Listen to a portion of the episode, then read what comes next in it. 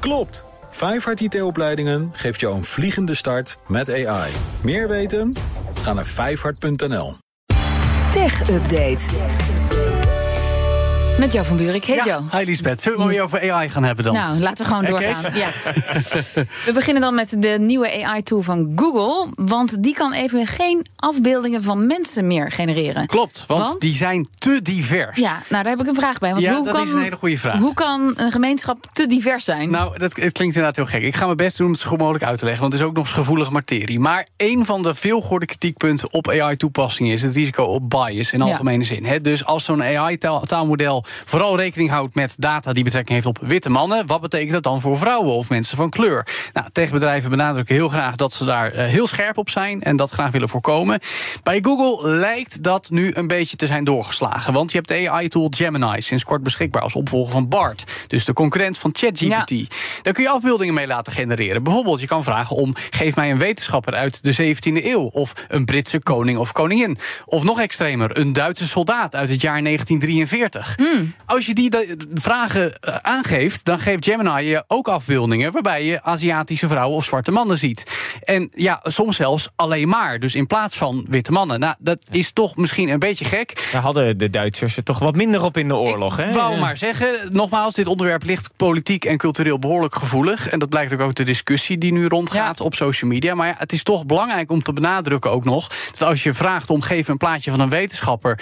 dus als je dat zo zegt, dat je ook mensen van verschillende genders en etniciteiten ziet. Maar als je sec vraagt, geef mij een Duitse soldaat uit 1943... Ja. dan is het raar dan als, als je een Aziatische vrouw ziet. Nou, eh, Google had dat ook al door. Die gaven gisteravond al aan van ja, het is een beetje raar... historisch gezien onnauwkeurig te noemen. En nu hebben ze ook de mogelijkheid om dus afbeeldingen van mensen te maken... maar eventjes uitgezet. Ze zeggen we werken aan een update om te zorgen dat dit beter gaat in Maar- de toekomst. Je noemt het eh, historisch eh, onnauwkeurig. Is Ja. dat het niet gewoon? Dat, Nou ja. Het is niet te divers, het is Nee. gewoon onnauwkeurig. Klopt, alleen de discussie is dus... is het te divers op het moment dat het letterlijk de vraag is... zoals het voorbeeld dat ik net aanhaalde... dus diverser dan historisch correct zou zijn, zal ik maar zeggen. Ja. Maar als jij gewoon vraagt... geef mij een afbeelding van een wetenschapper... dan is het natuurlijk hartstikke goed... om verschillende genders Ja. en etniciteiten te Ja, krijgen. maar, maar Gemini heeft gewoon de Tweede Wereldoorlog niet helemaal scherp. Nou ja, bijvoorbeeld, het, gaat- het gaat om de manier van prompting. Dus hoe specifiek is je vraag en wat komt er vervolgens uit? En dat is duidelijk iets waar Maar, Google een beetje aan moet werken. Op, op X zie ik alweer van, ja, Google heeft eh, zijn AI eh, wel heel erg woke eh, geprogrammeerd. Dat is hoe sommige mensen het dan weer zien. Maar dat, Dat is een is discussie waar ik me in ieder geval eventjes niet te veel aan ga branden. Nee, we gaan door over AI. Want ehm, naar verluid is in dat kader een deal gesloten tussen Google en Reddit, het sociale mediaplatform dat naar de beurs wil. Ja, nou ja, Reddit hebben we de laatste tijd weer vaker besproken in de tech-update. Het is immers een soort kruising tussen een ouderwets forum en Facebook, zou ik maar zeggen. Zitten al jaren vele tientallen tot honderden miljoenen mensen op. En dus heel veel posts, heel veel beelden, data die waardevol zijn voor, daar gaan we weer, een AI-model als je dat wilt trainen. Nou, dat weet Reddit ook en daarom zou het een deal gesloten hebben met Google, meldt Reuters.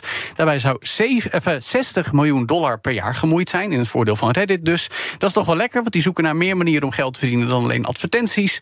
Vorig jaar stopten ze al met de mogelijkheid voor andere bedrijven om ja, gratis die data van Reddit te kunnen gebruiken. Dat gaat dan vooral om apps om die berichten te kunnen lezen. Nou, dat kan nu dus niet meer zomaar. En Google zou die data dus mogelijk willen om Ja. AI-ontwikkelingen te ontwikkelen. Nou, eh, zo'n deal komt ook wel lekker getimed, want ze gaan met de beursgang aan de gang bij Reddit. De documenten daarvoor zouden later vandaag al kunnen komen.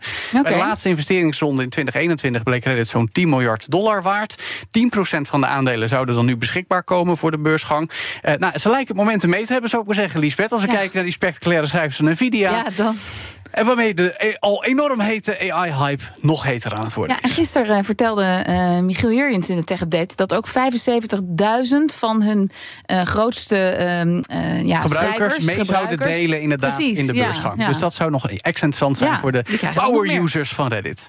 Dan nog even naar een andere tech-hype die eigenlijk terug van weg geweest is. Mhm. De nieuwste virtual reality bril van Sony was alleen interessant voor mensen met een PlayStation 5. Ja. Maar daar komt nu verandering in. Jazeker, ze zijn weer helemaal terug. Hè? Die slimme brillen zoals de Apple Vision Pro, eh, die er nu net is. ja, zijn maar die mogen beetje geen virtual reality Nou, maar dat is het wel, zeg ik er gewoon bij hoor. Alleen hij kan wat meer. Maar goed, Sony heeft ook al een tijdje zo'n bril. De tweede generatie, zelfs PlayStation VR 2 heet die. Kwam precies een jaar geleden. Toen testen we hem ook hier in de schaal van hebben met Bas. Die was onder de indruk. Maar ik zei al, eigenlijk is dit alleen een goed product... als er meer toepassingen voorkomen, meer games. Nou, die zijn er niet. Dus lossen ze het op een andere manier op. Ze gaan hem ook laten werken op Windows computers, op PC's. Dus ze hebben net bekendgemaakt dat die functionaliteit getest wordt. Moet later dit jaar beschikbaar komen. Twee nadelen. Zo'n VR 2 heeft een flinke kabel. En je hebt er een krachtige PC voor nodig. Terwijl die Apple Vision Pro en ook de Quest 3 van Meta geen kabels hebben en alle rekenkracht aan boord. Maar goed, het biedt wel weer nieuwe mogelijkheden voor handige gamers met een dikke PC. en opvallend dat Sony dus op die manier het oplost. Net zoals dat ze games naar de PC brengen. Ja. En ook Microsoft de, muren van exclusiviteit afbreekt.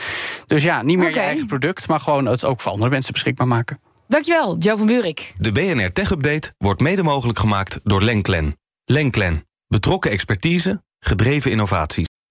Klopt. Vijfhart IT-opleidingen is de grootste AI-opleider van Nederland. Meer weten? Ga naar vijfhart.nl.